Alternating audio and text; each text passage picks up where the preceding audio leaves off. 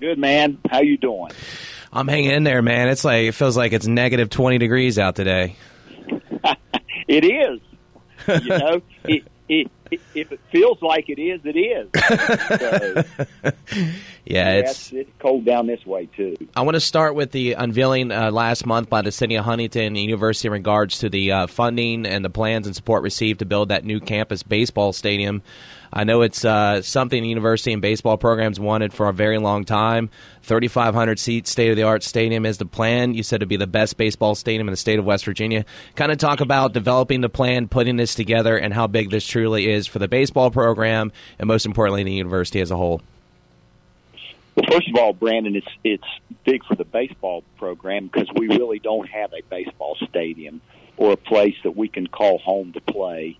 And uh, honestly, Marshall never has. Uh, we've kind of been gypsies traveling around with with nowhere to play, and and we're we're finally here in in in a couple years. Are going to have our own state of the art baseball stadium uh, that we can call home.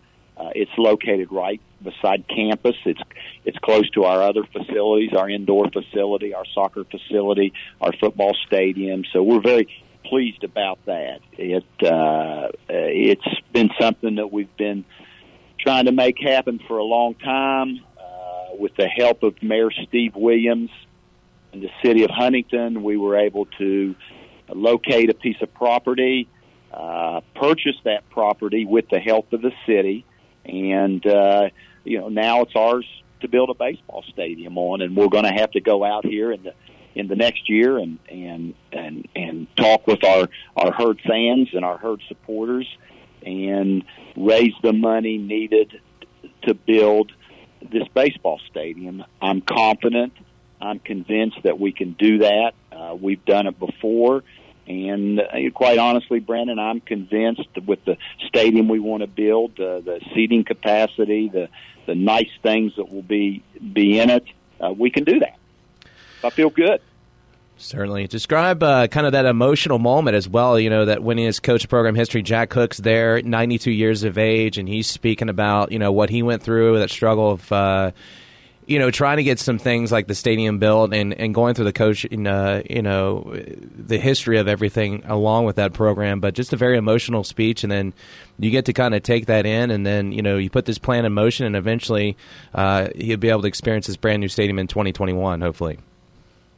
Well, there's no one that's more happier for for Jack Cook than myself. I've been a, a personal friend with Coach Cook since I was a student at Marshall in the late '70s, and uh, Coach Cook's the winningest coach in in any sport in Marshall history. Uh, he was promised for 30, 30 plus years that that he would get a baseball stadium every year. He would say, "Well, we're going to have one for you next year and next year," and it, it it was very emotional to hear him speak. A guy that's 92 years old and speak about what it means to him, to the city, but really what it ne- means to Marshall University and and all the former baseball players. And and that, and and I'd had a chance, Brandon, uh, six months ago to visit with Coach Cook and tell him what our plans were and what we were trying to do and and I, I I really got emotional when he looked at me and he said, "Hey, Mike, you you really need to hurry this thing along." He said, "I'm I'm I'm 92 years old. I'm rounding third, and I'm heading home." and uh, I kind of laughed, and it was kind of funny, and he meant it to be funny, but I thought about it for a while, and it's it's it's something that's that's true. And I I looked at Coach Cook and I said I, I said, Coach Cook, I'm going to for once in in my life be a baseball coach, I'm going to put that stop sign up and hold you on third for a little bit longer until we can get this thing built. But it, it was a, it was great for the city of Huntington. It's going to be great for the state of West Virginia. It's going to be great for Marshall University. Uh, we've got to keep building things, not only in Huntington but everywhere in this state if we're going to we're going to prosper and and uh, this will be a huge economic impact uh, here in this in this community with what we think we can do with this facility. And uh, it was a very, very emotional moment uh, when we announced on the site, on the location of where this baseball stadium would be. For many, many people were very emotional, from from former coaches to former players, to current players, to, to our university administration, to our community, to the mayor, and to everyone. This that was a big day, Brandon, in the history of Marshall University athletics. Yeah, great moment there, emotional moment, and a wonderful. Uh, Plan put in place and looking forward to seeing that stadium. If you're just joining us here on the Brandon Lowe Show, uh, we're with Director of Athletics at Marshall University, Mike Hamrick. You know, the baseball stadium is just another great facility, another uh, example of growth for the university uh, on that list, among other facilities you mentioned that serves over 380 student athletes. You talk about the Chris Cline Indoor Athletic Facility, the Buck Harless Student Athlete Academic Center, Chad Pennington Hall of Fame, Marshall Sports Medicine Institute, and the Hoops Family Field at Veterans Memorial Soccer Complex. So when you sit back, you look at the investments being made to Marshall University, the growth. You gotta you gotta sit there and think about how big that support is and how uh, you know important it is for that support, but also the fact that um, it allows these projects to come about and allows these student athletes not only to grow as an athlete, but academically. I know you put that in your letter, uh, so it's got to be kind of cool for the potential future student athletes to Marshall University as well. Well, it is. I mean, our, you will see our baseball program overnight become much more competitive than it has been. Now, not taking anything away from them, they have been very competitive, and Marshall has in baseball. But, but uh, Brandon, we all know in this business that facilities are the key. I mean, kids. Coach Holliday, when I hired him uh, here ten years ago, he's he said something. He said, "Kids buy with their eyes," and and uh, we didn't have very good facilities. We got great facilities now, and they're going to continue to get better. And the more better facilities you have, the better chance you have of recruiting much better uh, athletes and, and much better students. And we we promote the student athlete model here. We graduate 80 plus percent of our student athletes. Uh, uh, we compete for championships. Our student athletes represent us in the community in a positive way. And these facilities, whether it's for academics, uh, with our new academic center or with our sports medicine institute, which is state of the art anywhere in the United States, or our indoor facility, which NFL scouts, Brandon, still come in here and tell us it's the best indoor practice football facility that they've seen anywhere. And to have that eight lane, 300 meter track around it and all the things that we've done to, to, with the, the $8 million plus soccer facility, those are great facilities and and they're they're such a benefit to Marshall University, to Huntington, and to the state of West Virginia. Certainly. Uh, Marshall University Director of Athletics Mike Hamrick on the line with us here on the Brandon Lowe Show. Uh, speaking of the football program, you know, Doc Holliday comes in. He's done a tremendous job, and the things he's done, as you mentioned, hasn't even lost a bowl game since being there, and and phenomenal efforts on not just you know uh, with him and his staff, but athletic department as well, and yourself and setting up these big time non conference matchups. You talk about Boise State's been pushed back for a national television now uh, to Friday for a national television opportunity, which is big for recruiting and getting some of those eyeballs in your program. But now recently Notre Dame announced for that 2022 season. Uh, what an experience there! What kind of work goes into making those type of deals and scheduling those type of opponents? And and you know, and most importantly, how excited are you to uh, to land that type of game against an iconic football program like Notre Dame?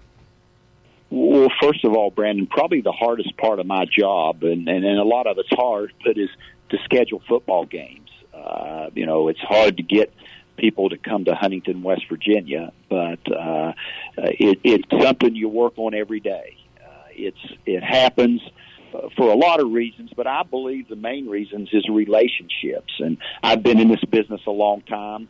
Uh, this is my 30th year as a Division One AD, and I, I'm, I've been fortunate enough to develop relationships with a lot of other athletic directors around the country, and and we've been able to to, to bring a lot of really good football teams to here to Huntington to play. I mean, you talk about you talk about Purdue, Louisville, NC State, uh, Boise State. You mentioned will be coming next year.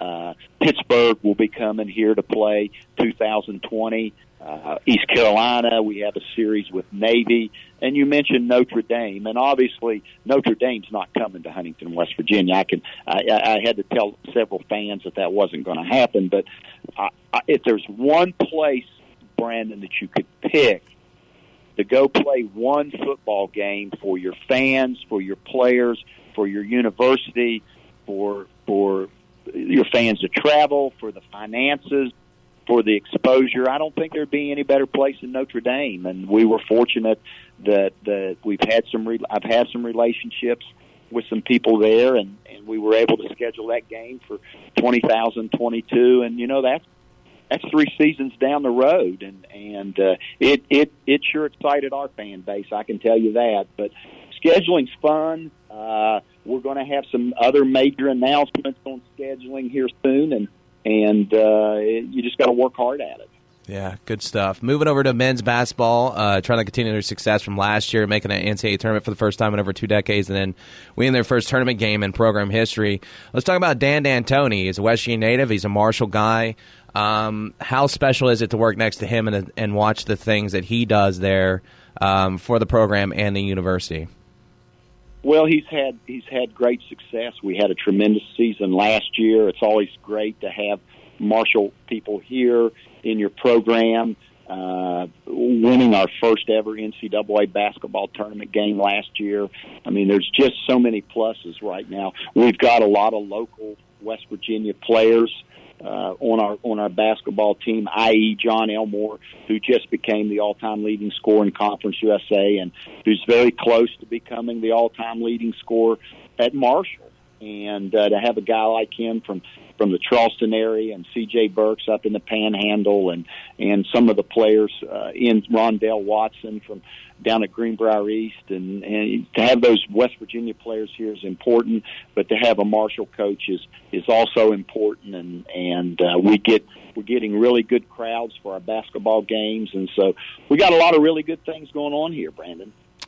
Finally, I want to gotta go sort of candid here. Um, you know, get off some of these programs and stuff, and you talk about that. But let's talk about yourself. You wake up every day as a director of athletics at Marshall University, being able to accomplish and work towards these goals you set out that we just talked about to improve the university along with the city of Huntington. Um, what does that type of responsibility and achievement at a school like Marshall University mean to you? Well, being the athletic director at your your alma mater is special, uh, especially I, I say in my case, when I, I'm a former student athlete here, played football in the late 70s, it was a very difficult time, the 70s, coming off the plane crash, and we just really had a hard time. But we we held the program together. Uh, they didn't discontinue it like it was talked about, and we held it. And then all of a sudden, in the 80s, it got better, and in the 90s, it got better and really, really good. And the rest is history. So to be able to come back is is a very humbling experience. But uh, I just wanted to come back and, and, and provide the student athletes here now with things I never had when I was at Marshall, and that's what that's what really motivates me. And uh, to work hard every day to see our student athletes become successful on the fields, on the courts, in the pools, and and but also in the classroom and be successful in life. I mean that that's that's what really drives me. And and you know they say well is there pressure on you being the athletic director at at where you went to school? And and, and you know what the most pressure anybody puts on me is myself. And uh, being at a school that you love, there's probably a yeah, there's probably a little bit more pressure on you than somewhere else. But uh, you know, I bleed green. I always have. Uh, some some way somehow I was sent to Marshall University and and was fortunate enough to be able to come back here. Left for 30 years and was able to come back 10 years ago and hopefully finish my career here at this great university. He's the director of athletics at Marshall University, Mike Hamrick. Really appreciate you taking the time to talk to us. It was a lovely conversation. Congratulations on all the uh, success there and the growth of the university there in the city of Huntington as well. And uh, looking forward to seeing that baseball stadium. You got the Hal Greer statue uh, in the works yep. as well. So I'm I'm really excited for the future of Marshall University, and it's good hands with you, sir. All right, my friend. Thank you so much for having me on.